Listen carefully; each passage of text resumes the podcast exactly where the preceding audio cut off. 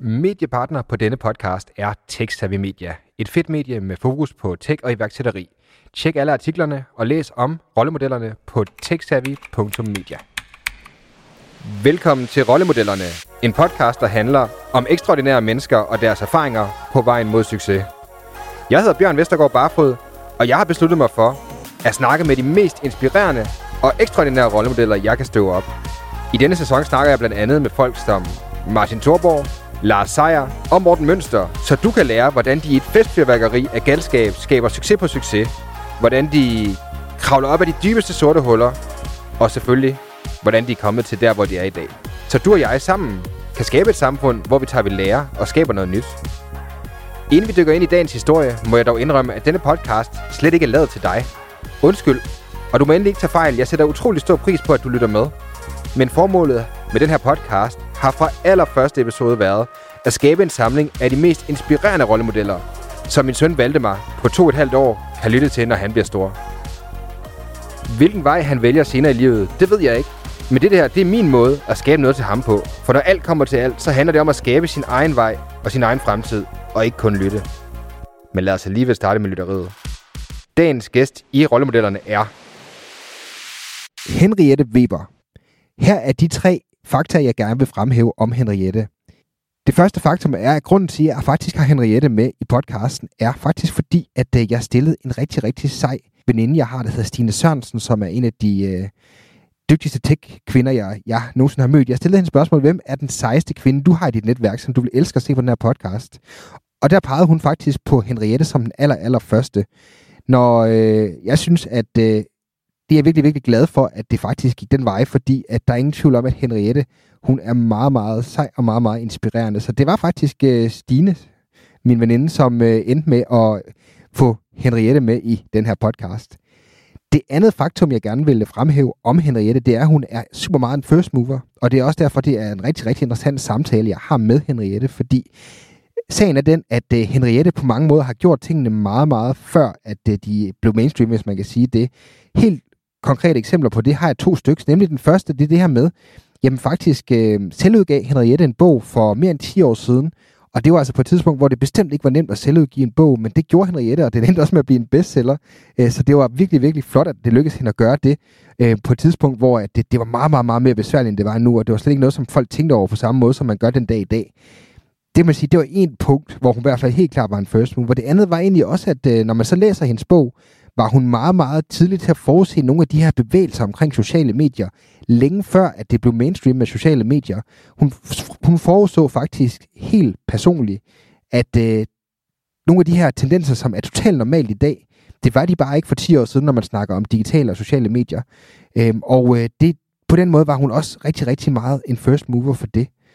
Og så sidst, men ikke mindst, det sidste faktum, jeg vil fremhæve omkring Henriette, det er, at hun har arbejdet øh, rigtig, rigtig mange år i NGO'er øh, med godgørende formål som, øh, som sit hoved beskæftigelse. Det synes jeg også bare er super, super sejt og super inspirerende, og det er selvfølgelig også en af de grunde til, at jeg gerne vil øh, have Henriette med i podcasten. Henriette, hun har en mission. Det ligger hun ikke skjult på. Hun har helt klar øh, en agenda i forhold til at så drive noget positiv forandring i verden. Jeg vil gerne være med til at støtte det. Så det er egentlig også derfor, at øh, jeg har taget Henriette med i podcasten. Jeg kan afsløre, at vi grinede meget, da vi øh, indspillede podcasten. Det var en fornøjelse. Jeg lærte rigtig, rigtig meget af Henriette, og jeg nød virkelig meget at have hende med i rollemodellerne podcasten. Så med de ord vil jeg egentlig bare overlade øh, ordet til hende og mig. Så øh, rigtig, rigtig god fornøjelse med podcasten. Og husk, hvis det er sådan, at øh, du godt kan lide det her, så øh, gå ind og subscribe, så øh, får du en notifikation hver eneste gang, der kommer en nyt afsnit. Med andre ord, rigtig, rigtig god fornøjelse med podcasten. Jamen, uh, Henriette, rigtig hjertelig velkommen til The Bear Talk Show. Hej. Hej. Jeg har glædet mig virkelig meget.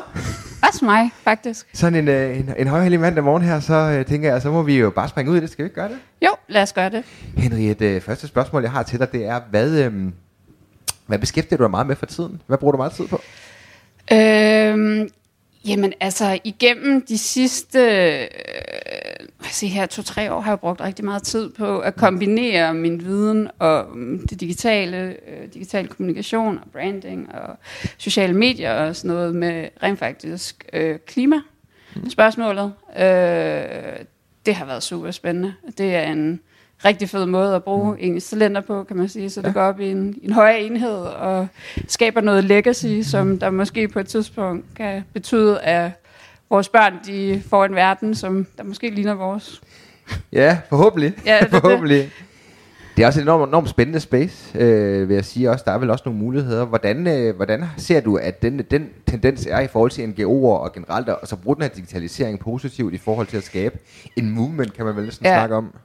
Jamen altså, det er, jo, det er jo især det, jeg har arbejdet rigtig meget med, det her movement building. Øhm, og der er jo rigtig mange, der laver både, øh, hvad siger man, ja, så helt ned på træningssessioner, og laver online events, og laver Twitter-chats, og alt muligt for ligesom at brede budskabet ud, både på, hvad siger man, helt op på corporate level, men også helt nede på, jamen, hvad er det for nogle ting, man rent faktisk skal gøre i hverdagen, som der gør en forskel, og hvordan i alverden får vi så folk til at gøre de ting. Altså, hvordan får man en familie ligesom min, som der består af mig og min datter og min mand fra Sønderjylland til at spise mindre kød blandt andet, som der jo er, at hende, der laver mad, mig, øh, skal prøve at få nogle flere grøntsager ind i, og måske ikke øh, bruge så meget oksekød. Øh, som alt. Altså, det, det, det tager alle mulige forskellige former, men, men der sker rigtig meget inden for det her movement-bygning, og det er et helt vildt fedt space at være i, fordi at der er så mange mennesker, der synes, det her er den største krise mm. ever, øh, og som der støtter hinanden op. Og det er bare rigtig fedt. Ja, jeg kunne også forestille mig, at det var noget af det, hvor at der er en, øh, der er en virkeløst, og der er en, også fordi, at der er den her urgency på lige præcis det her område, hvor ja. at, at, altså... Jamen det er jo, altså, nu har jeg lige været til øh, Climate Reality Leadership Training i Berlin i tre dage sammen med Al Gore og hans øh, NGO over for USA. Og det var jo fra alle spektrummer, altså ligegyldigt hvem han havde op på paneldebatter, om det var, eller på paneldebatter, om det var en biolog, eller om det var øh, nogen fra det europæiske øh, klimaforskningsinstitut, eller hvem det var, så havde de jo en eller anden sense of urgency. Biologen han sagde, jamen altså, vi er i fare for at miste 50 procent af alt, alle dyr på jorden, og hvad det, det hedder. Forskerne, de var jo bare i det hele taget, øh, hvad siger man, mildest talt kritiske over den vej, som mm. det, det er, at det ser ud til at gå. Men der var også rigtig mange positive ting. Altså, så jeg synes faktisk, at selvom man tager ned og tænker, ej, nu skal vi sidde og slås oven i hovedet med alle de her klimaspørgsmål igen, og det hele er jo bare rent af helvede, så er det faktisk ikke rent af helvede. Så det, det er egentlig meget fedt. Der er, en, øh, der er en masse gode mennesker som dig, der arbejder på at gøre noget ved det, så... Eller prøver i hvert fald. ja, ja, altså. Præcis.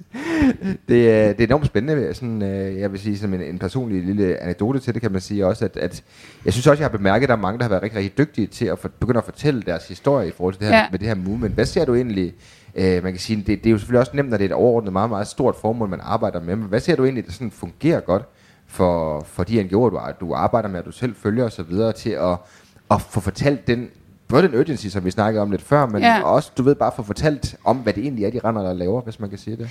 Men altså, jeg, der er jo rigtig mange, der bruger øh, sociale medier, og øh, enten Facebook-grupper, eller nogle hubs, som de selv laver, altså forskellige platforme, hvor de laver netværk ind i. Øh, det har Climate Reality blandt andet. Øh, har sådan en kæmpe website, hvor de har alle deres 17.000 aktivister mm. øh, derinde, som der så bliver koordineret efter fag og områder og ja, interesse i det hele taget. Øhm, jeg vil sige, det, jeg synes, det er, altså, det er en ret god case på, hvordan jeg personligt synes, at man driver forretning med det digitale og med det analoge samtidig, fordi der, der, der er rigtig mange, der laver de her live-træninger, hvor det er, at man møder op fysisk, som i Berlin, og så bagefter, så bliver det hele faciliteret over det digitale. Øhm, og det er super fedt. Ja. Og der er jo også rigtig mange andre, der ser på ligesom at fortælle deres historier over internettet med regulært indhold, øh, som de producerer, om det så er infographics, eller det er videoer, eller det er blogpost, eller det er opinion pieces, eller whatever. Øhm, så jeg synes, der er lidt for, lidt for enhver. Altså, om man så bare er almindelig øh, hvad siger man, borger med et arbejde et eller andet sted, der ikke er noget med klima at gøre, eller man er en virksomhed, hvor man siger, jamen nu skal vi simpelthen bare tage det her seriøst, øh, så går du ind og arbejder med de der, øh, de der globale mål, eller SDG'erne, som de også hedder, som FN de, de lavede i 2015. Og hvis ikke man ved, hvad SDG er, som jeg ikke gør, det betyder, hvad er det? Jamen, det er jo, altså, FN har jo lavet de her 17 globale mål, som de siger, der ligesom skal være løst inden 2030, og har både givet øh, staterne, men i hovedsageligt virksomhederne til opgave at løse de her 17 mål og deres forskellige delmål. Og det er blandt andet sådan noget med, jamen, hvad gør vi med liv under vandet, eller hvad gør vi med øh, klimaforandringerne, øh, eller øh, fattigdom. Det er simpelthen sådan en kæmpe ambition, de har udsat om, hvordan de godt kunne tænke sig, at verden ser ud i 2030, og har udstikket nogle retningslinjer for virksomhederne, for at sige, at det er på den her måde hjælper os med at nå det her. Right. Spændende. Og øh, jeg synes også, at man kan, man kan se, at en af dem, som faktisk, det var igen det her med, jeg synes, at man ser, at folk er meget øh, på, altså blandt andet de sociale medier og så videre, når det er nogle, nogle sager, de tror på. Jeg mm. blev selv, en af mine venner skrev til mig for en måned tid siden i forhold til det, hedder For Ocean og så videre. Ja. Øh, altså, men det er jo også en af de ting, som det digitale landskab kan, øh, ja. det her med at, at, at få fortalt de her historier, og givet folk faktisk, og givet folk en platform, hvor de kan støtte op om, om en specifik sag. Ja. Øhm. Men det er jo også, altså det kommer jo meget bølger, nu er det meget plastik, øh, og der sker rigtig meget inden for plastik, og du, altså, jeg tror bare ikke, man må, man, man må bare ikke ligesom undervurdere, hvor meget vi rent faktisk kan gøre, når det er, vi står sammen. Øh, der er jo rigtig mange øh, lande, både i Afrika og i Europa, hvor de er gået ind og simpelthen lavet et forbud imod plastik og plastikposer og plastikskærer og plastiksugerør. Mm. Altså, men man kan jo også godt selv gøre noget, øh, når der man går ind på en bar, som for eksempel at sige, at jeg behøver ikke at have to sugerør i den her drink. Øh, ja. Helst ikke nogen. Altså, ja. der er rigtig mange forskellige måder, at man kan rykke de her ting fremad på øh, sammen, ligegyldigt hvor det er, man er i verden, og hvad, man, hvad er ens hvad siger man, visioner for den. Ja, det er, det er spændende. Det, det er super spændende. Altså, det... Ja, jeg synes plastik og lige præcis for Oceans, det er jo sådan en rigtig, rigtig interessant måde. Også det her, der hedder plugging, har du hørt om det? Nej. Det, det er sådan noget, hvor at det er, når man er ude og jogge, så skal man samle plastik op, eller skralde op, imens man gør det, så plukker man i stedet for at jogge. Okay. Så tager man simpelthen en pose med, når der man løber, og sådan. Det, det skulle alle jo gøre, altså for nogle af alle de der øh, cigaretskodder og ja, pakker og McDonald's øh, emballage op, der, som der ligger ude i vores natur og sådan noget. Så jeg synes, ja. det sker rigtig meget. Altså folk er ligesom tændte på at gøre noget. Ja, det må man da i høj grad sige. Jeg har ikke hørt om plugging, men jeg kan godt lide koncept. det må du gøre næste gang, du skal løbe. ja, ja, ja, men øh, opfordring her med at sende videre. ja. Henriette, du snakker jo, øh, hvad kan man sige, at du har skrevet en bog, der hedder Return on Involvement. Ja. Øh, super, super spændende. Ja. Og øh, man kan sige generelt set er, jo, er det jo, om man må sige det, øh, er jo en, i hvert fald i forhold til det, det digitale landskab, er du jo en ældre dame. Øh, du, har, du har været med i mange år. Det har jeg. Øhm, hvordan ser du egentlig, sådan man kan sige, der er jo sket, det kan jeg også selv, jeg, kan sige, jeg har selv været med i mange år i, i det her digitale game. Jeg synes ja. jo, der er sket meget. Hvordan ser du egentlig på den udvikling? Nu får jeg lidt om NGO'er her og så videre, men hvordan ser du egentlig måden, både hvordan vi mennesker gør, men også hvordan virksomheder bruger øh, hvad man siger, internettet generelt? Sådan, hvad, kan du se på på det? Altså, jeg startede jo, jeg startede jo tilbage i, øh, det har været 2005, da min datter, hun var et år. Mm. Sammen med Trine Maria Christensen faktisk, mm. tog vi ud og holdt foredrag sammen om mm. blogging. Og jeg tror faktisk, at jeg kan tale for både Trine Maria og jeg, når jeg siger, at øh, i starten synes folk jo, vi var sindssyge. Mm. altså folk kunne overhovedet, og de sidder bare sådan, men det var bare, det var bare sådan et blankt stykke papir, og de kunne ikke, og hvordan skulle det kunne noget som helst, og altså, det var, det var, der var faktisk et par år, hvor det var, man sad og tænkte, er det, er det også, der er et eller andet helt galt i. Men der kom bare sådan en kæmpe drive, altså fra USA, hvor det var, at folk de brugte virkelig fantastisk til at lave alle mulige fede kreative ting. Og det har altid været mit take på det, det er jo, altså teknologi og det digitale og sådan noget, kan du bruge til alt. Det er jo ligesom et neutralt, ligesom, altså, øhm, jeg kan rigtig godt lide, når folk de bruger det kreativt, og ligesom, det, ikke, det behøver ikke være noget, hvor man tænker sådan, om det her det skal bare være det første inden for et eller andet. Øh, man behøver ikke at tænke fuldstændig ud af boksen, men hvor at der man ligesom bare bruger sine egne interesser til at sige, jamen det kunne jeg facilitere på en eller anden måde med det digitale, og det synes jeg stadigvæk er mega fedt, og noget, som jeg er mega nørdet omkring. Øhm, men altså, det der fra at gå fra at være nogle af dem, hvor man stod og tænkte, jamen de er jo tosset, så lige pludselig. Altså, og det var nærmest, det føles næsten som om, det var fra den ene dag til det andet øh, da det var, at Facebook begyndte at komme, og Twitter begyndte at komme, så begyndte folk bare at få øjnene op for det, og så begyndte bureauerne at komme ind i, og så var det lige pludselig en hel masse sociale medieeksperter, man var jo også selv sådan en social medieekspert, og mm. det, var, det var bare, altså, jeg, jeg, jeg tror bare ikke, jeg var parat på det, altså, fordi mm. nu har jeg jo bare rendt rundt og været stjernetosset mm. i et par år, øhm, men det var... Øh, altså det var, det var en det var en vild ting at følge. Jeg synes det jeg synes stadigvæk det er en vild ting at følge. Jeg tror det bliver. Jeg tror det digitale kommer til at blive ved med at være vildt i rigtig rigtig lang tid.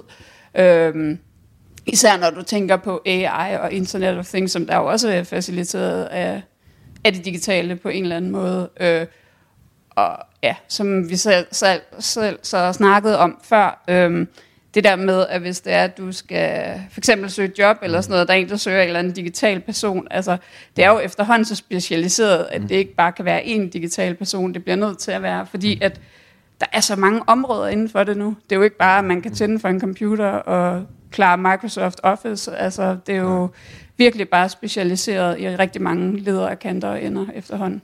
Ja, Altså alene bare sådan noget som for eksempel projektlederværktøj eller digitale projektstyreværktøjer. Hvor mange af dem er der ikke? Altså, man skal næsten Jeg tror, der bliver lanceret i minutten i øjeblikket eller sådan noget.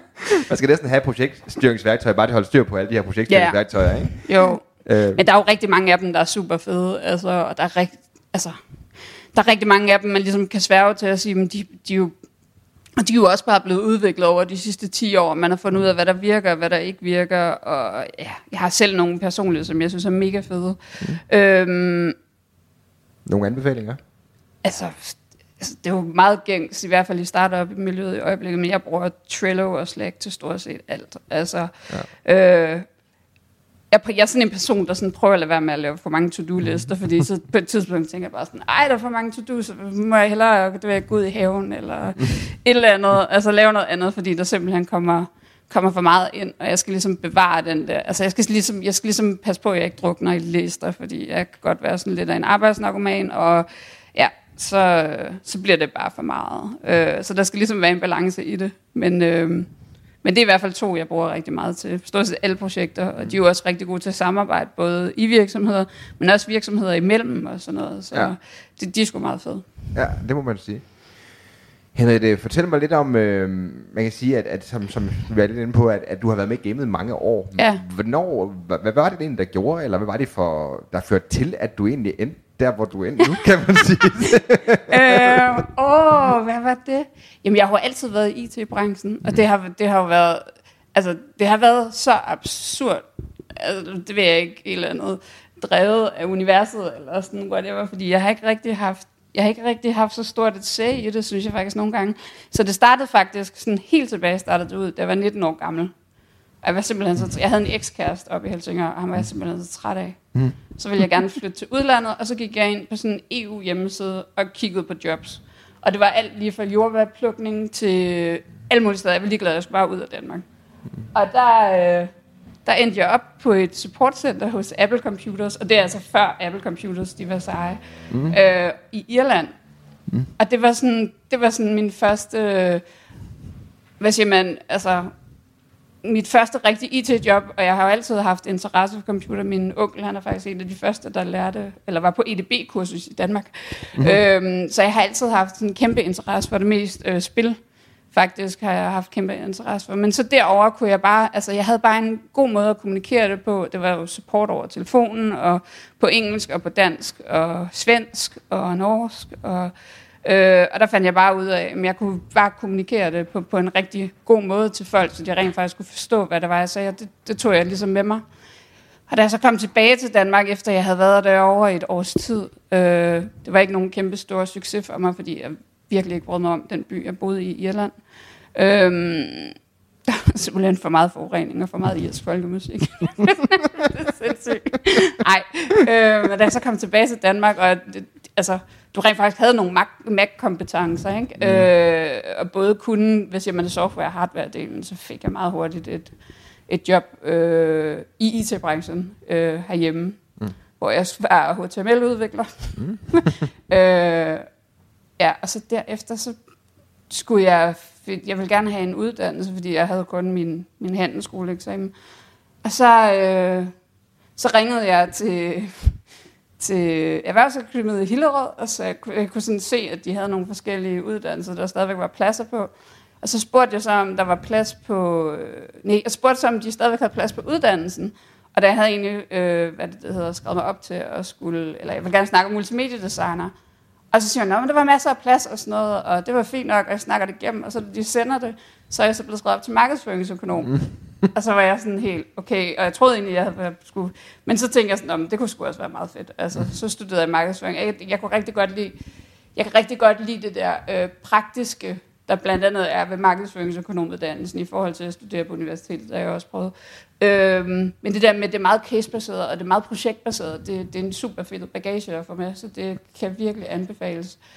Øhm, men allerede der, der havde jeg sådan en idé om, at altså, jeg har jo, før, før jeg begyndte til at det var ikke i IT-branchen 19 år, jeg var jo sådan en, der stod nede ved fredsvagterne, og jeg var vegetar, og jeg læste Naomi Klein, No Logo, mm. og Culture Jam, Kalle Lassen, og alle mulige forskellige fede bøger, fordi jeg synes, det der aktivistiske virkelig var fedt, det der med, at du rent faktisk kunne forandre verden, hvis du har lyst til det.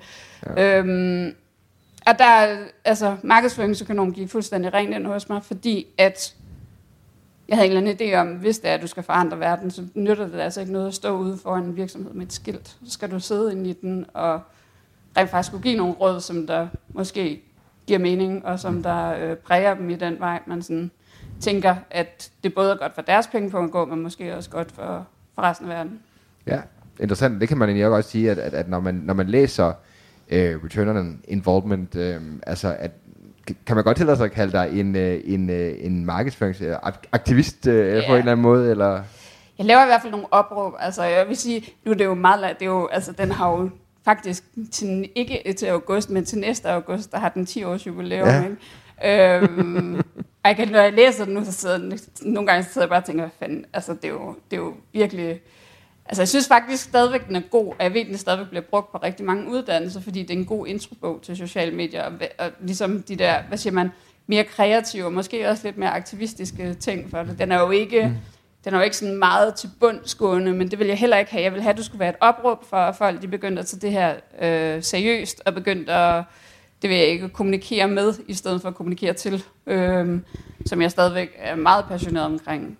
Og kunne måske godt være, at det har jeg bare sagt i mange år, men jeg sidder faktisk og skriver på en ny version af den, der mm. har måske mere sådan nogle klimaspørgsmål og climate action som grobund, øh, og den stadigvæk kommer til at hedde Return on Involvement, men hvor at det ikke er business unusual, men hvor at det er simpelthen impact øh, i verden i stedet for. Så laver lidt om på taglinen, og måske skriver noget af den op. Ja, er og så på engelsk. Mm-hmm. Øh, men den er jo ret interessant, den bog. Det er jo... Øh, det er jo en af de første, hvis det ikke er den første bog, der er blevet selvudgivet på dansk, mm. og som der til med har, har bestseller-status, fordi den solgte mere end 1000 kopier. Så øh, det, det, den er jeg, sgu, den er jeg sgu stadigvæk stolt over. Det kan du også godt være, det synes jeg. Det, er altså, det var sjovt, den skulle have været udgivet på Nyt Nordisk Forlag, øhm, og hvor jeg fik forfatterkontrakter inden, men de, de, var, altså, de ville have, at de ville rigtig gerne skrive en bog, som det var, der kunne kommunikere digital markedsføring til alle. Mm. Og så var jeg bare sådan, så det er ikke mig, der skal skrive den, og så mm. det er ikke min bog. Mm. Øh, og så besluttede jeg bare at gøre det selv. Ja. Øh, og det var, det var en vild proces. Mm. Øh, så jeg ved også noget om det der med at udgive selv, og sådan noget. Har været igennem det, brugt rigtig mange måneder af mit liv på det faktisk, efterhånden. Øh. Ja, for det er jo sjovt, hvis man ser på den måde, fordi at, at det er jo ikke engang rigtig blevet mainstream endnu at selvudgive. Altså det er nu det der, hvor vi er, nu er det også, også teknologisk, kan man være mm. med, hvor at det er at, at der kan folk godt finde ud af det efterhånden, men det må jo have været fuldstændig vanvittigt øh, progressivt på det tidspunkt. Og selv udgive en bog i altså 2009 må det så have været. Ja, men det var, der var jo mange, der synes, at det var, altså, der var mange, der synes, at det var en, øh, det var en skør idé, og hvorfor jeg ikke bare kunne have den inde og ligge hos et forlag. Øh, og, hvor jeg egentlig var sådan helt, jeg kan huske, at jeg snakkede med, øh, med Martin Thorborg om det på et tidspunkt, at at det faktisk bedre kunne betale sig at udgive selv. Fordi for det første så, okay, det er dig selv, der laver investeringen og sådan noget, det er dig selv, der lægger tiden i det, det er dig selv, der finder grafikerne og ligesom får den opsat mm. og får den printet. Og der lagde jeg måske øh, 60 eller 80.000 i det, ikke? men jeg har i hvert fald tjent en halv million på den. Mm. Hvor at hvis den havde været hos et forlag, så havde jeg, måske, havde jeg fået et oplag på 1.500 og måske 20 procent. Ja. Som jeg ved ikke, om det stadigvæk er retterne, men det var det, man kunne få dengang, hvis det var, man var nyuddannet, øh, hvad det, eller ikke nyuddannet, men nypubliceret øh, forfatter. Øh, og det var jeg bare sådan helt, og nu har jeg fandt, altså, det var mig, der havde skrevet bogen. Det var mig, mm. der, altså, I skal jo ikke, hvad, hvad skal de bruge det der 80 procent til? De var sådan, at vi vil markedsføre den, så jeg bare sådan, ved hvem I snakker med? Altså, mm. det kan jeg godt selv. øh, så ja, så det var, øh, og det var, altså, det, det, det, den, den vil jeg sgu altid være stolt over. Jeg havde sådan en, om jeg har virkelig haft, jeg havde sådan to ting, jeg gerne ville opnå, før jeg var 30. Og den ene var, at jeg gerne ville udgive en, nej, tre ting. Jeg ville gerne udgive en bog, så ville en betalt bestyrelsespost, mm. og så ville jeg gerne have en isme, og det fik jeg alle, start, alle tre skabt, mm. inden jeg var 30, så det nåede jeg. Det er sgu sejt. ja, det, øh, det ved jeg ikke lige. Det, det er bare sådan, jeg er. Det er, ja, det vil sige, det er, det, det er tre målsætninger, som er, som er, som er usædvanlige. Ja, amen, ja. Men super, super flot.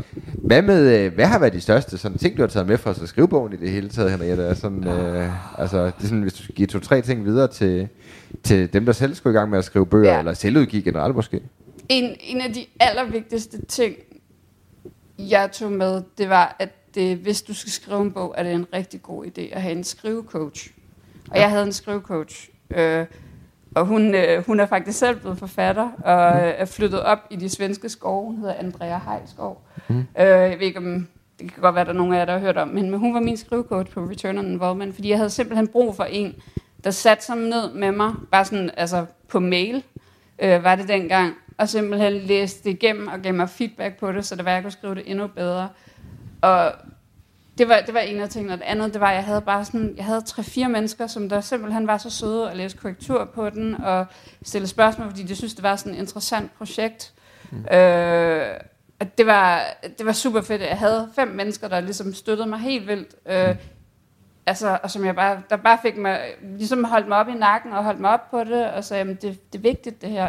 Det bliver super fedt, Henriette. Øh, det, den, den, skal, den skal bare fødes nu. Altså, mm. øh, og det synes jeg var, det var, super, det var rigtig fedt, øh, at jeg havde dem. Og så vil jeg sige, altså noget af det, der kom bag på mig rigtig meget, det var, at det er jo ikke bare en bog. Altså det er jo ikke, det er jo, det er jo, altså når bogen er lanceret, og du ligesom, jeg kan lige så tydeligt huske, øh, vi boede i Visingen ved Glostrup, mm. da ham der øh, fragtmand, han kom og stillede, jamen der stod 2.000 bøger uden en gang, ikke? Og jeg stod bare og tænkte på, hvordan fanden skal jeg få solgt alle mm. dem der? Men det var jo, altså det tog ligesom, det ved ikke, de, de røg bare ud af døren, og jeg fik lektørudtalelser, og de røg på bibliotekerne, og jeg gjorde simpelthen hele arbejdet fra scratch, øh, med simpelthen at få dem ud. Og for mig var det egentlig en rigtig stor øh, oplevelse, det der med, altså når der man render rundt og sådan, laver digitale services og skriver blogs og sådan noget, så rent faktisk har noget fysisk at sælge. Mm. Det, var, det var super fedt. Øh, for en gang skulle jeg have noget fysisk at sælge. øhm, men det er jo ikke kun bogen, det er jo også, altså, man skal også gøre sig tanker om, jamen, hvad skal man så sige om den, hvordan skal man positionere sig selv, hvad fanden gør man, hvis der er nogen, der booker et foredrag? Altså, jeg har virkelig holdt mange dårlige foredrag i starten, fordi jeg bare var sådan helt, jamen, jeg aner jo ikke, altså, jeg kan huske på et tidspunkt, jeg var på, jamen, det var så pinligt, jeg var på i vækst, inde i forum, mm. og så siger det sådan, så, så kommer jeg sådan op med den der bog der, jeg troede, der ville være en eller anden, der skulle interviewe mig, eller sådan noget, det var der ikke. Der var bare sådan en scene, jeg skulle sidde på, og så skulle jeg lave et eller andet med den der bog der. Og jeg var bare sådan, det fandt mig løgn. Altså, mm. Så det endte med, at jeg, jeg bare sad og læste nogle af mine yndlingspassager op af det, og jeg var mega nervøs, og mm. det var bare, altså hele det der for, altså der var rigtig mange ting, så der man skal tage stilling til, og der er kæmpe forarbejde i det hele, hvor det var, jeg tænkte sådan, hvis det var nu, jeg ville gøre det, ville jeg være meget, meget bedre til det, og ligesom havde gennemskuddet det på en eller anden måde, men altså jeg var bare sådan, 29-årig aktivist, mm. altså, som der bare troede på det digitale og havde lavet en fed bog på dansk. Altså. Og sådan noget andet, jeg, jeg faktisk også vil sige, vil være en god idé ligesom at, at tage med, det vil være, at man, når det er, at man skriver en dansk bog, skal man tænke den engelske ind også, ellers så snyder man sig selv, det gør man altså. Og det hvis du selv udgiver en bog, har du en præmis for ligesom allerede at lave den på engelsk der. Øh, og det prøvede jeg også. Øh, men for mig har det faktisk, har den i mange år sådan været lidt lukket. Altså det ligesom var et lukket kapitel, og nu var den solgt, og jeg har stadigvæk sådan, jeg tror jeg har to kasser derhjemme med den, eller sådan et eller andet. Jeg skulle sgu da have taget en med til dig. Det skulle du da. Ej, nå. ja.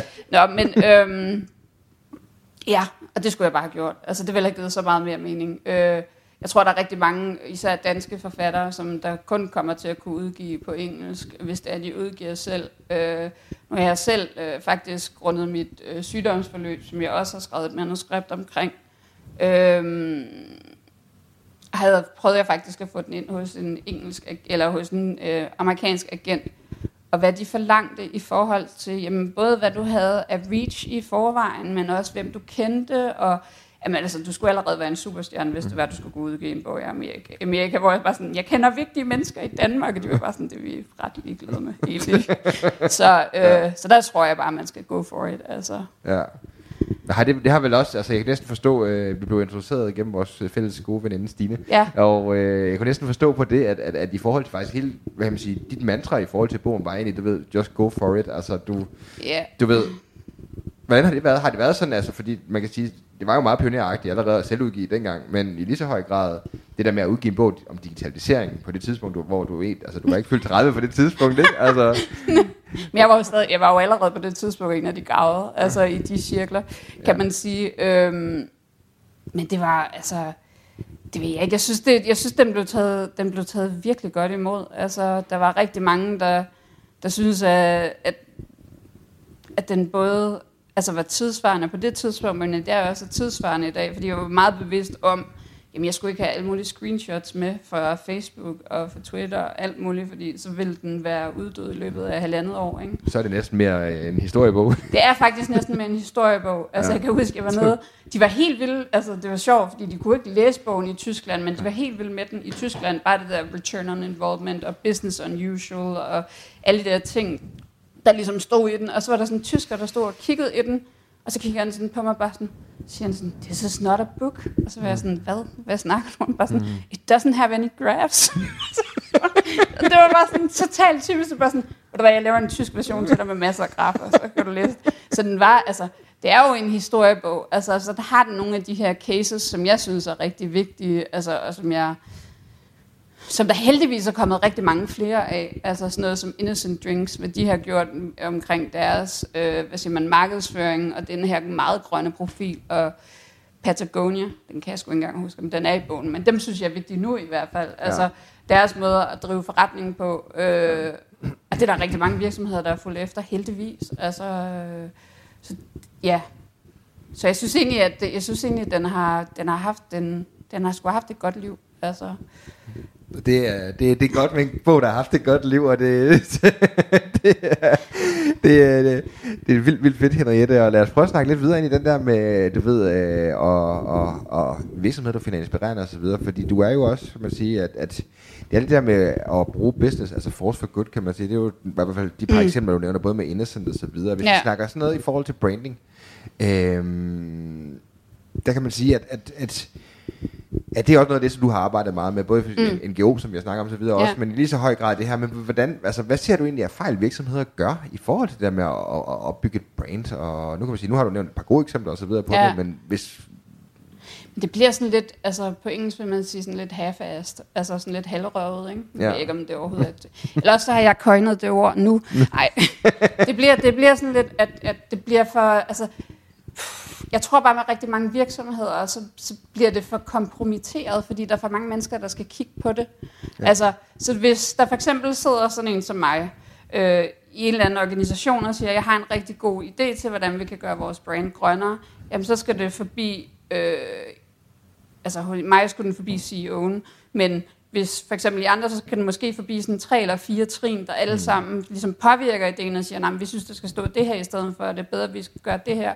Og så bliver det sådan lidt kompromitteret, og der ja. tror jeg, at det er rigtig vigtigt, at man ligesom skal ture og sige, jamen den her idé, den her brand-idé, det her, at vi skal være et brand, der gør en forskel i verden, og skaber det her business unusual, og er øh, a force for good, det er ikke, altså det er noget, som der bare er clearet hele vejen strategisk op til bestyrelsen, mm. at der er der for nogen til at sidde i en eller anden sandbox et eller andet sted og udvikle den idé, og når den så er parat til at blive præsenteret, vil den så blive præsenteret til bestyrelsen eller til ledelsen eller whatever.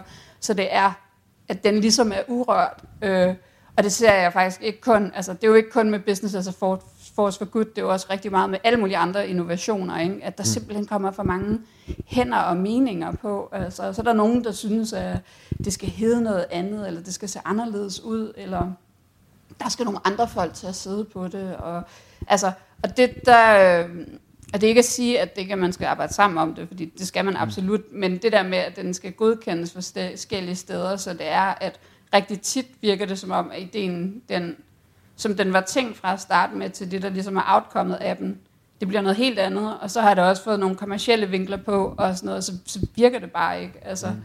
Jeg tror, at man som virksomhed skal være rigtig god til at sige, jamen, de der øh, forskellige kommercielle vinkler på et brand, det er måske ikke det, man skal tænke først, når man tænker branding. Der skal man mere tænke, jamen det her det er noget, der skal trække vores virksomhed langsigtet. Det er mindst lige så vigtigt som at have de kommercielle vinkler på alle mulige marketingsmaterialer, som du laver og sådan noget. Øh, så jo, det tror jeg, det jeg, jeg synes om det.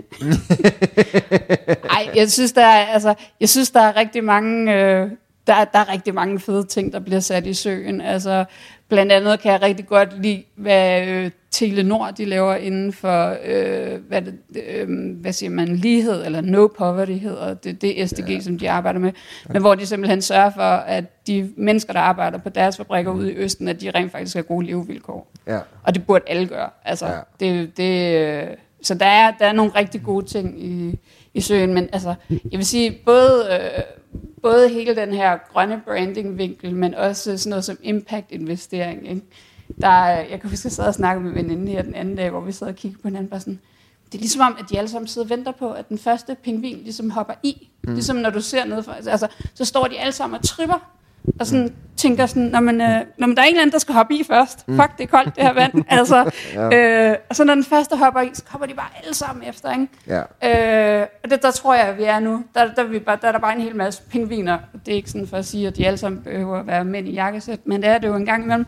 Øh, altså, så bare venter på, at den første pingvin hopper i, og så hopper de andre efter. De skal simpelthen ja. kunne se, de skal kunne se i større og større udstrækning af, hvad siger man, grøn branding og grøn omstilling, og det her med rent faktisk at gøre verden til et bedre sted, at det er en win-win situation for dem, at det ikke kun er, øh, hvad siger man, at for at gøre verden til et bedre sted, men de rent faktisk også tjener flere penge på det, og der er der heldigvis nogle rigtig gode cases på efterhånden. Ja. Ja. Det er, man kan sige, hvis vi, vi kan prøve at snakke, snakke lidt videre om det i forhold til det, fordi at, at, at, at, at det her med at, og, og, og se tingene som, som win-win og så videre, kan man sige, at, at, at lige præcis i forhold til, som du selv nævner, vi snakkede lidt om, Patagonia før og så videre, og det er også nogen, der har haft en meget, øh, altså der har været at være meget tro mod deres DNA, mm. kan man sige. Mm. En af de ting, som jeg ser, det er egentlig også det næste spørgsmål, jeg gerne vil stille dig, Henriette, er, at, hvad kan man sige, at, at vi har en del iværksættere blandt vores lyttere, mm. og, øhm, og man kan sige, jeg synes ofte, når jeg ser på, branding og så videre i en startup og i et iværksætterregi, mm. øh, så ser jeg sådan typisk to tendenser. Enten så forsøger man, og så, så bliver det noget personlig branding, mm. tager man simpelthen og fortæller historien fra en af dem, der er været med til at stifte en virksomhed. Mm. Det andet det er også det, jeg siger, så forsøger man at forklare sin virksomhed ved at så øh, binde sig selv op på en anden virksomhed. Du ved, så for eksempel, mm. jamen, vi er øh, Airbnb for øh, yeah. pizzaer, eller whatnot, yeah. et eller andet sted hvis du sidder med en, øh, en startup virksomhed generelt, og du egentlig skal i gang med den her brandopbygning, og du egentlig gerne vil lave det stærke brand til at starte mm. med, hvad vil du, øh, hvad, hvad vil du råde vores lyttere til øh, at gøre, i, gøre med det, kan man sige? Jeg tror, det er rigtig vigtigt, at man sætter sig ned og finder ud af, hvad der, hvad der virkelig er vigtigt for det her startup. Altså simpelthen finde ud af, jamen, hvad er det for nogle værdier, vi har fælles, og hvad er det for nogle værdier, det her det skal bygge på. Øhm, og jeg har også set rigtig mange sidde på de forskellige øh, startup-juryer, og jeg skal komme efter, der og bedømt det ene efter det andet. Øhm, jeg har set rigtig mange, som den lige netop er det nye Facebook indenfor, eller et eller andet, eller så har de en stjerneprofil for. Men jeg tror, det er rigtig vigtigt at finde ud af, hvad er det kernen er for det her brand. Og kernen er ikke, øh, at vi ligner Airbnb inden for pizza, eller øh, vi har den her ene person, men det er simpelthen at finde ud af, hvad er det egentlig, vi tror på? Hvorfor, hvorfor er det egentlig, vi eksisterer? Altså, øh, og det synes jeg er et super vigtigt spørgsmål for alle virksomheder at sige, hvad er vores eksistensberettigelse egentlig? Er det, at vi har en exit-strategi om fem år? Mm. Eller er det, at vi... Øh, det vil jeg ikke, skal lave et eller andet for at undgå at termofrost. Det kommer op i atmosfæren. Hvad, altså, Ja. hvad, hvad, hvad er det egentlig, at at kernen er? Og det tror jeg, der er rigtig mange, der ikke tænker over. Men det er jo noget af det allerførste, man skal tænke. Det er at sige, hvor, hvorfor er vi her? Hvad er det, der er vigtigt for os? Altså, vi, alle, alle de vil jo godt, jamen, eller det er jo ikke kun super fedt at have et startup. Det er jo også, altså jeg kan selv skrive under på, at det er jo mega hårdt. Øh, så det er jo også bare vigtigt, at det er, at man føler, at man ligesom har noget at stå indenfor. Og det, og det er jo noget, der kommer til at gennemsyre jamen, øh, alle de medarbejdere, der er der. Og hver eneste gang, du taler på en scene eller sådan noget, og siger, at det her det er rent faktisk, hvem vi er. Øh, og det tror jeg er en rigtig vigtig samtale. Ja, og man kan sige, at, at, at, at det snakkede vi om, nu kan jeg faktisk ikke huske, det var før vi gik på, eller om det faktisk er sådan en tidlig podcast, vi snakkede om, men, øh, men øh, i forhold til, at du har lige været i Berlin og så videre, og, og hvor at, at, at øh, Al Gore havde, har været rigtig, rigtig dygtig til at, at iværksætte en masse øh, frivillige, øh, mm. blandt andet ved at så lave de her øh, gratis workshops, og lave de her workshops generelt, mm. øh, for climate change, kan man sige. Hvordan ser du, Henriette, det her med, at, at man kan sige, som, som virksomhed, at vi egentlig er i stand til at få de her værdier gjort, som en, få, få dem integreret som en del af vores kultur, kan man sige. For en ting er, det jeg hørte dig sige, det er det her med, at jamen, det er rigtigt, vi skal være enige om de fælles værdier, og hvad er det egentlig, vi gerne, hvor, mm. hvorfor er vi her? Hvad er vores ja. Eksistensberettigelse? Mm. Øhm, hvordan, ser du, øh, hvordan ser du, at virksomheder gør det, øh, succesfulde virksomheder lykkes med det her, hvis man kan sige det? Altså, for mig altså, er, det, er det ret tydeligt, hvis det er, at du kommer ind hos en virksomhed, der siger, at de har en grøn profil, og hvis deres toilet for eksempel står og løber, mm. eller de ikke har økologisk mad øh, i kantinen, eller der er plastik over det hele, eller de har almindelige mænd, der ikke har sojamælk. Øh, jeg, jeg kan rigtig godt lide begge dele. Øh, men, men der er ligesom nogle ting, hvor det er, du kan... Altså, bare de der hverdagsindtryk, hvor du kan sige, at de her, de practicer faktisk, som de preacher. Der er en eller anden substans bag, hvor de har tænkt det ind, og de, ikke, altså, og de er kompromilløse omkring det. Øh, og så noget med, jamen, det kan være, at, de, at man bare sådan kan se, at de vælger måske de lidt dyre, men mere, øh, hvad siger man, omverdensbevidste valg i, i hverdagen. Altså ikke, at de skal have muldtoiletter, øh, men sådan, noget- også noget med, at de sørger for, at deres affald bliver sorteret, eller øh, den her virksomhedsordning, som jeg mener Københavns Kommune har lavet, altså de kommer og henter bio øh, affald op, og de der forskellige ting. Så der er, at du ligesom kan, at du bare ligesom kan mærke, når du er derinde, at det er faktisk noget, som de har tænkt hele vejen rundt, og det er noget, som de rigtig gerne vil slå sig op på, og de mener det seriøst. Det er ikke bare sådan et eller andet greenwashing. Mm. Øh, og det synes jeg er vigtigt, øh, for ligesom at, at vise, jamen, at det er det, at man står for. Øh, og det er nogle små ting, at, men det gør bare hele forskellen. Så det handler om, om hvad kan man sige, om konsek- konkurrence, og det handler om at, at være konsekvent med de, øh, med de værdier, man rent faktisk, så det er det der talk the talk og walk the walk. Ja, Rigtigt. fordi at jeg tror især, når det kommer til sådan noget bæredygtighed, og ja, vi er grønne alle sammen, og sådan noget, så er der rigtig mange, der er gode til at pege fingre af hinanden. Ikke? Altså, mm. Der er også rigtig mange, der synes, jamen vindmøller, de for eksempel ikke er the shit, så der er rigtig mange af os, der synes, at de, de, er, de er mega fede. Ikke? Øhm, så det er sådan meget, at man skal passe på, at der, man ikke rører ned i sådan et sted, hvor at der folk siger sådan, ja, det kan godt være, at I siger det, og I bruger det til branding, men I mener jo, det er jo ikke helt, altså det er jo ikke noget, I tager hele vejen. Og der tror jeg, det er rigtig vigtigt, at man tænker det ind, hvor der man siger, jamen, vi tager det rent faktisk hele vejen. Ja. Øh, lidt ligesom Innocent Drinks, de gjorde, som jeg stadigvæk er helt, helt vild med. Jeg kan huske, jeg var inde nede og snakke. Det var faktisk til Return on Involvement, da jeg interviewede til den. var nede og snakke med Christian, deres direktør nede på Vesterbrogade. Og han fortalte mig, og det var sådan, han fortalte mig, at de havde stillet sig op på en logistikkonference og sagt, at vi bruger på konsekvent ikke flytrafik, når det er, at vi transporterer vores frugter rundt om verden. Mm. Og folk, altså det var sådan mic drop, ikke? Altså folk var blevet helt, "Men det kan man ikke. Det kan mm. ikke lade sig gøre. Og sådan noget. Var sådan, jo, fordi det har vi besluttet os for. Så det kan vi godt lade sig gøre. Altså, ja. der er løsning på alt, ikke? Og det der med, at altså, når det er, at folk de stiller sådan ud og viser, at der er nogle ting, de stiller højere end andet, ikke? Altså, når der er nogle ting, de stiller højere end deres egen business, øh, det synes jeg bare er fedt. Altså, mm. det, det skal vi have meget mere af. Ja. Det, det kan vi hurtigt blive enige om.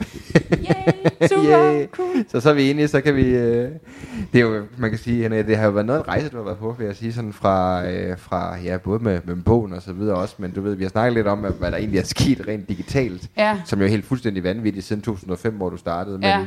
vi har selvfølgelig også, øh, bare generelt kan man sige, med dig, kunne jeg også forestille mig, at der er sket rigtig, rigtig Ja, meget. det er der. Øhm, hvis nu du kunne hoppe ind i sådan en tidsmaskine, og, øh, og, og hoppe tilbage i tiden, og så give Henriette, der lige øh, var hoppet ud i hendes første digitale øh, space, give hende et par gode råd med på vejen. Hvad, hvad, hvad, hvad, hvad for nogle råd vil du give hende, og hvorfor? Og altså det første vil være med at sammenligne dig selv med andre. Det er, altså, den er en klassiker, men den, den er simpelthen bare, den er så vigtig. Øh, og sådan noget andet, jeg vil sige, var at sørge nu på at arbejde på de store projekter først. Altså, jeg har brugt så mange dage med at sidde og jamen, prøve at få alle mulige potentielle kunder i, i dialog, og det vil jeg ikke fået folk til at sidde og ringe kold canvas, fordi vi virkelig gerne vil sælge noget mere i, i Tootless Tiger, som, som min virksomhed hed.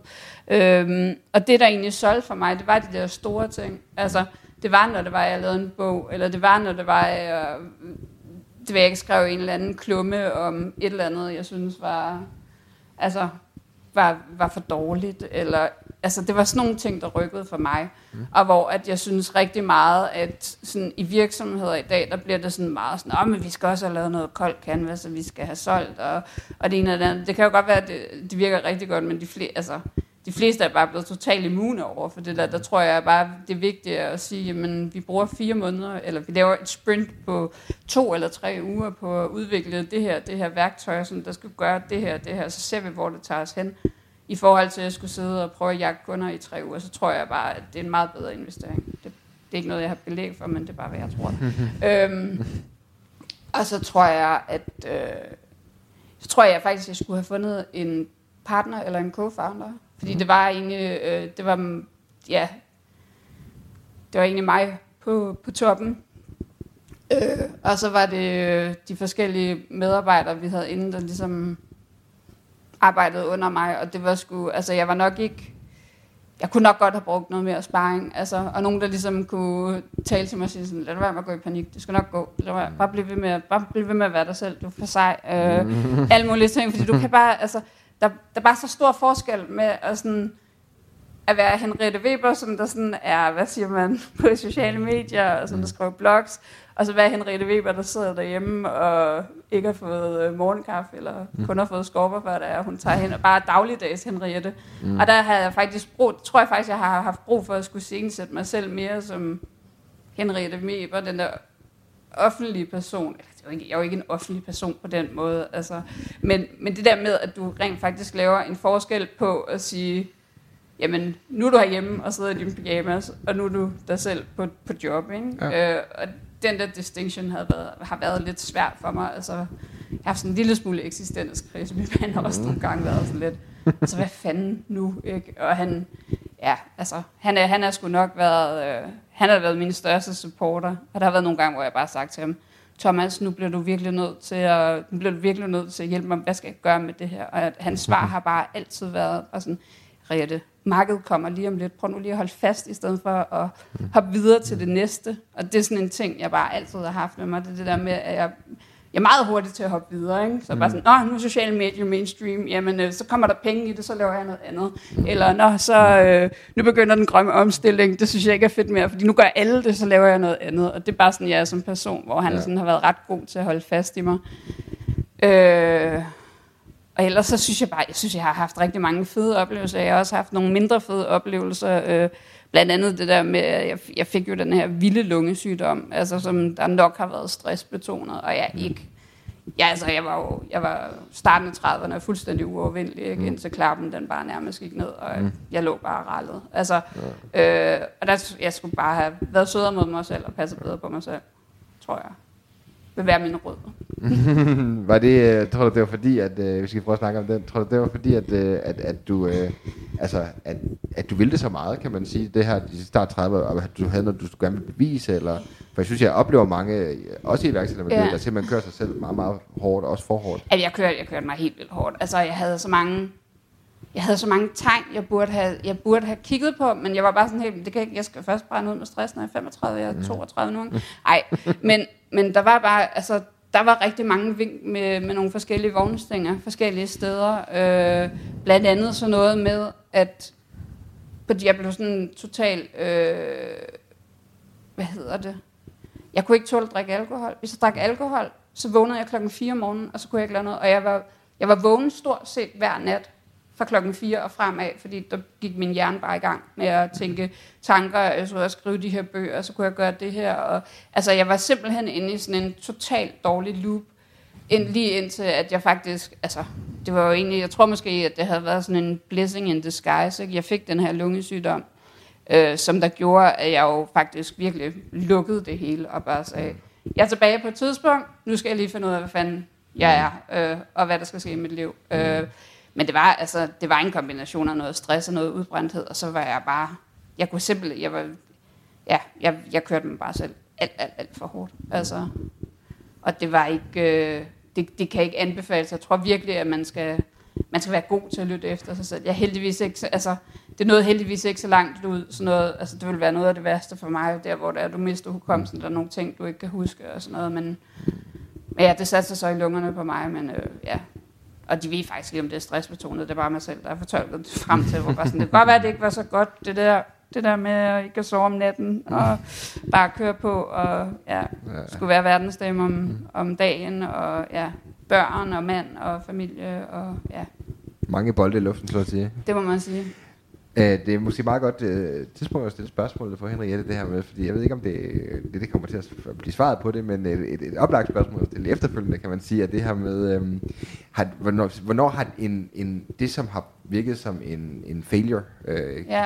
man kan sige, som, som ja, for det, det er ikke engang fejltagelse, der er det rigtige oversættelse, men du ved, ja. det som, var, som virkede umiddelbart som værende noget, noget rigtig møg, men faktisk senere har vist sig at være noget, der har virkelig har sat dig op til succes, eller som faktisk har, har, har gjort noget for dig. Øh, ja. Kan du nævne, kan du nævne en, en ting der, som, som virkelig du sådan, der, der står ud i din hukommelse? Um, jeg tror i starten, i starten, da jeg startede ud, der ville jeg egentlig bare, det ville jeg egentlig bare rigtig gerne være ligesom de andre. Mm. Og det er jeg bare ikke. Altså, det, det er jeg bare ikke. Øh, det har jeg aldrig været. Jeg har aldrig været ligesom de andre. og det skulle jeg nok bare have indset, fordi det har jo nok bare, altså folk de er jo sådan helt, ikke, altså kommer i mit øh, neonfarvede tøj, min udstrøjte sandaler, og så sidder de bare og tænker, er det hende eller hvad? Altså, øhm, men hvor at, ja, jeg skulle egentlig, jeg tror bare egentlig, jeg skulle have ejet mig selv for at begynde med, og bare, jeg skulle have været bedre til at sige, jamen det her, det er hvad jeg vil lave, og det her, det er på mine vilkår, og det fandt mig min virksomhed, og det er mine kunder. Øhm, men der, altså, det, det har nok været en af hvad siger man, de største. Jeg synes egentlig, jeg kom meget godt efter det, altså, men det er, altså, det, det, det er meget det der med, jamen, altså, sørg for at være autentisk. Øh, og det samme, altså nu har jeg jo også lavet rigtig, blandt andet der, hvor jeg kender Stine Mølgaard fra, det er jo alt mit arbejde omkring kvinder i teknologifagene, og Geek Girl, som der jo også, som var sådan et sideprojekt, som jeg drev, som der jo endte ud med faktisk at være stort set øh, kerneområde øh, inden for, for Toothless Tiger, altså, som der bare eksploderede fuldstændig. Øhm, men det der med, at det er rigtig svært, altså det er rigtig svært at være en kvinde i teknologifagene, fordi at du ved faktisk ikke, om du skal, øh, om du skal troppe op i jakkesæt og ligne dem, eller du skal troppe op og ligne dig selv, eller du skal øh, være feminin, eller du skal være maskulin. Altså, der er alle mulige ting, hvor der man altså, nu vil jeg ikke sidde og snakke om feminisme og teknologi, det kan man læse rigtig meget om på internettet, mm-hmm. øh, hvad jeg har ytret mig om omkring det, men, men der er bare nogle spørgsmål, som der, som der er rigtig svære at tage stilling til som kvinde i teknologi i forhold til mænd som kvinder, og det er ikke for at sige, det er synd for os, det er bare anderledes. Ja. Øhm, men jo, det tror jeg egentlig, at det... Øhm, jeg synes også, der har været nogle, altså, der har været nogle projekter, jeg har arbejdet på, hvor jeg har tænkt sådan, det her bliver aldrig godt. Og så er det bare blevet rigtig godt. Øh, og det samme med, med Geek Girl, øh, havde jeg, lavede jeg også nogle, nogle fejl til at begynde med. Altså, jeg var meget protektionistisk omkring det, øh, fordi det havde jeg ligesom lært, at det skulle man være, når det var, man havde øh, et, et et branding studio eller en konsulentvirksomhed, jeg skal kalde det for. Øhm, men hvor jeg nok skulle have været... Øh, altså jeg tror, hvis jeg havde været lidt mere sødere ved folk, i stedet for at være så projektionistisk omkring det, så var det nok kommet længere ud. Men det var jo egentlig ikke det, jeg ville. Altså jeg ville jo egentlig ikke den der kvinder i teknologi-agenda. Men det endte jo med... Altså jeg har jo fået så mange... Øh, jeg ikke, jeg siger det alligevel, altså det jeg kalder for fag, fagladepriser, Mm, ja. for at være en kvinde, der har en virksomhed, i stedet for at have en virksomhed, der er succes. Mm. Og dem har jeg rigtig mange af. Øhm, og de ser jo pæne ud på CV'et, men altså, jeg har haft det svært hver eneste gang, og jeg, er hele tiden, jeg sidder sådan inde i mit hoved og tænkt, jamen, du er en rollemodel, og det er vigtigt, og kvinderne skal kunne se dig, og det ene og det andet.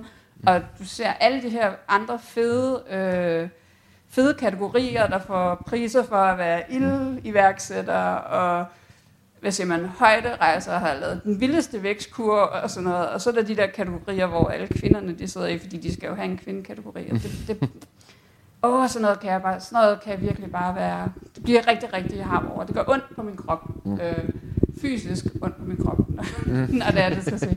Øh, men ja, det, det, ja, det tror jeg, at det, jeg sådan har tænkt, at det er nok nogle af de ting, som der nok har været fejltagelser, der har virket, som om de har været rigtig gode på den lange bane. Mm.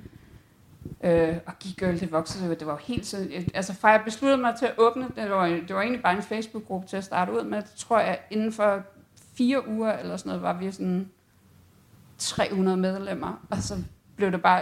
Altså, vi er jo det er jo det eneste af Geek Girl, der stadigvæk er i live, det er gruppen, og jeg modererer den ikke eller noget som helst. Altså, det er bare ligesom blevet sådan en, øh, hvad siger man, et forum, ikke også? Ja. Øh, men der er stadigvæk 2.000 kvinder derinde, der sender jobting til hinanden, og det ene og det andet, og det, det er sgu stadigvæk fedt. Altså, det, det var sådan en, nå, det her synes jeg er fedt, det skal jeg sætte i verden, og så var det sådan helt, okay, men det var egentlig ikke, det var egentlig ikke det, jeg havde lyst til. men ja, det er fedt, du har gjort det, og det er fedt, du har været med til at sætte fokus på noget, som der helt klart skal sætte fokus på. Ja. At der skal være flere kvinder i tech. Det er fedt, og det er fedt, at der er fokus på det generelt, mm. til Henriette. I, uh, in, i uh, Return on Involvement, der nævner du Henriette Strøm. Uh, det, kan vi sige, det, var, det, det var Henriette Strøm uh, i 2009. Hvad er Henriette Strøm oh. egentlig i 2018? Kan jeg ikke lige huske, hvad det var, jeg skrev i 2009. jeg, eller hvad? Jo, vent lige lidt. Jeg skal lige tænke mig lidt om. Giv mig lige to sekunder. Øhm, jeg tror faktisk stadigvæk, det er den samme. Altså i 2009 mener jeg, nu må du rette mig, mm. hvis det er, der mener jeg, at det jeg godt kunne tænke mig at se i forretningsverdenen, det var det, at man brugte øh, de her forskellige dialogværktøjer til rent faktisk at lave dialog, i stedet for at skubbe ting ud. Øh, og det vil jeg altid være total advokat for. Jeg er bare sådan helt, men altså, det er fint nok, du har en Twitter-profil med 500 følgere eller sådan noget, men hvis du ikke snakker med nogen derinde, altså, så får du ikke det ultimate, altså jo, så kan du, det, det er det samme som at have sådan en, øh, hvad det, det hedder, øh, megafon, ikke? Så står du bare og råber ting ud på en eller anden papkasse, altså der er måske ikke rigtig nogen, der hører det. Så jeg vil sige, at det der med, dialogen er så meget mere vigtigt, altså at gribe de forskellige bolde og møde op på de forskellige, jamen, om det er Twitter-chats eller webinars, eller hvor det er, at det er de her forskellige målgrupper, det er rent faktisk snakke med folk og skabe noget ved netværk. Det synes jeg bare stadigvæk er så vigtigt. Altså, øhm, er det stadig vigtigt, altså, jeg tror stadigvæk på, at virksomheder, som jeg også mener, der stod i returnerne, hvor man, at de skal være autentiske, og de skal finde ud af, jamen, hvad er det, deres kerne er, og hvad er det, øh, hvordan er det, de skal gøre en forskel i verden på den ene eller på den anden måde. Helst på den gode måde. Helst på en god måde. Helst på den gode måde, ja.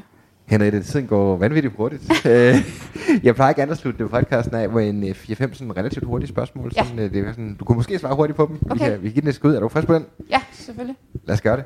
Hvad hedder det? Øh, det første spørgsmål er, øh, har du en specifik bog, øh, du har anbefalet eller, til andre, eller givet til andre? Måske ikke just din egen, men øh, ellers?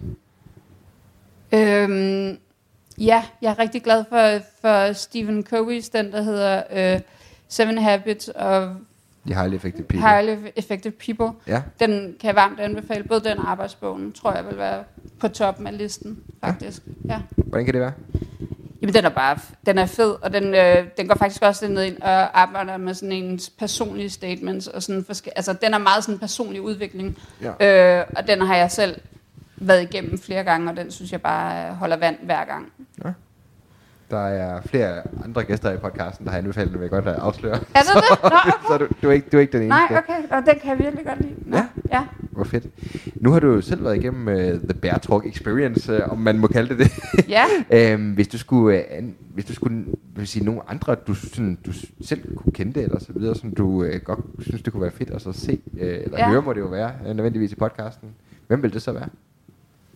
Jeg kunne godt tænke mig at høre Stine herinde. Hun er jo en god ven. Altså, jeg synes, du skal snakke med Stine Mølgaard. Jeg ved, hun har været... Jeg ved, hun, hun er igennem nogle ret interessante ting lige i øjeblikket. Øh, så hende synes jeg, I skal snakke med. Det uh, kan jeg ikke udelukke, at uh, det kan komme til at ske. så, så er jeg ikke Jo, og så... Øh, ej, hende skal du fat i. Marianne Hår. Hun er min øh, tidligere kollega i, ja, på mit arbejde, og hun, øh, hun arbejder rigtig meget med blockchain. Og kvinder og blockchain, og blockchain for good, og hun er altså mega cool. Hende skal jeg også snakke med. Hende, uh, hende må jeg få fat i. Ja, hende skal du have fat i. det, det lyder godt. Ja. Henriette, øhm, næste spørgsmål er øhm, det her med, øhm, hvis du skulle sende en, hvis du havde muligheden for at sende en sms-besked til alle mennesker i hele verden, hvad skulle der stå i den sms-besked, og hvorfor? Så skulle stå lade være med at tage til Thailand. Simpelthen fordi vi bruger så meget ressourcer på fucking at tage til Thailand, når der er, der er så varmt herhjemme. Ja. Øh, og så vil der også stå PS og spise mindre oksekød, tror jeg. Du ved godt, den kommer rundt i hele verden. Hvad skal, hvordan tror du, thailænderne vil reagere på den sms? Ja, det, det er måske. Så lad være med at tage langt væk. Lad være med at flyve rigtig langt væk. Og tage, tage bussen og toget en gang imellem. Selvom, selvom det er svært, fordi at togbilletterne er så meget dyrere end busbilletterne. Fordi jeg, faktisk lige, jeg har lige undersøgt det faktisk, da jeg skulle til Berlin. Jeg plejede faktisk at tage toget derned. Mm. Men de kostede tre, altså togbilletterne koster tre gange så meget som flybilletten dernede. Og jeg vil gerne sidde og arbejde på toget og alt muligt. Det er ikke det. Mm. Det har jeg da rigtig godt med, men når det er tre gange så meget, så bliver jeg bare sådan lidt, "Jamen, DSB eller europæiske statsbaner eller whatever det er. Nu må I lige tage at komme ind i kampen, fordi øh, det gør jo ikke, at for, altså folk de vælger jo ikke at tage toget, når det er tre gange så dyrt som at flyve. Ikke? Mm. Og, og flyveturen tager 40 minutter. Altså, det er jo Ja. overhovedet ikke et alternativ eller konkurrerende på nogen måde. Det, Ja. det, det der er svært, ja. Så, den, det, så, så, så modificerer vi den lidt, og så sender Ja. vi den andet sted. Ja. Ikke rejse så langt og spise mindre oksekød. Ja, altså fint. Henriette, øhm, hvad er de bedste råd, du nogensinde har fået? Øh, pas nu lidt bedre på dig selv. Tror jeg. Øh, ja, jeg skal, man ikke skal dømme sig selv så hårdt. Det, Ja. altså, jeg, kan, jeg kan huske, at Remy, han på et tidspunkt sagde i et eller andet interview, og den tog jeg faktisk til mig, han var sådan, "Jamen, det er jo bare noget, det leger, vi leger. Altså, det hele er jo bare noget, vi leger. Mm-hmm. Det der med at gå på arbejde og få penge for det, det kunne jo bare være et eller andet gigantisk computerspil, som der sidder nogle mennesker et eller andet sted, meget større end os, der sidder og... Altså, vi kunne alle sammen leve ind i et eller andet Sims-spil, mm. uden at vide det. Øh, og det tror jeg bare. Jeg tror bare, man, man skal tage sig selv seriøst, men man skal ikke tage sig selv for seriøst, så skal man ikke være hård mod sig selv. Mm. Ja. Det, øh, det, det kan jeg bestemt godt relatere til. Henriette, øh, det har været super, super fedt. Jeg har været virkelig, virkelig glad for at have dig med, og det, er, det, har, det har været rigtig, rigtig godt. Hvis det nu er vores lyttere, synes at det, har været, det har været lige så godt, som jeg synes, det har været, og egentlig bare gerne vil reach ud, eller følge dig mere, eller, eller gøre andet. Øh, Du har jo par kasser af Return on Involvement stående, hvis det var det. Ja. Men øh, bortset fra det, hvor kan de finde dig hen? Sociale medier eller andet? Ja, altså jeg har jo stadigvæk min, øh, min, gamle, øh, min gamle website, henrieteweber.com. Og der er alle kontaktinformationer der, så det tror jeg, det er det letteste at henvise til det. Ellers så er jeg på, på LinkedIn og Instagram og Facebook og Twitter og ja, alle steder. Stort set. Stort set alle steder, man kan finde dig. Der, set alle der er du.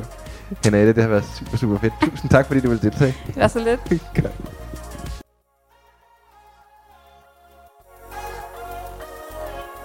Ja, det er Bjørn. Jeg håber, du har synes, at øh, dagens episode af podcasten har været værdifuld. Jeg håber, du har lært noget nyt, og jeg håber, du har fået indblik i, hvordan øh, dagens gæst har skabt sin succes. Lige nu kører jeg en øh, kæmpe giveaway til alle mine øh, følgere, alle mine fans, der er på podcasten, og øh, det er egentlig meget, meget simpelt. Hvis du synes, at podcasten er lige så fed, som jeg gør, så vil jeg sætte kæmpe stor pris på at være dig meget taknemmelig, hvis du deler den på de sociale medier.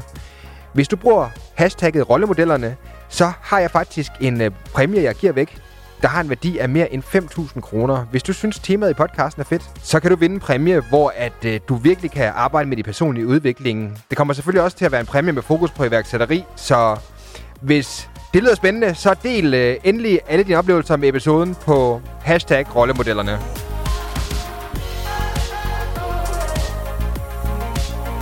Tak for din tid.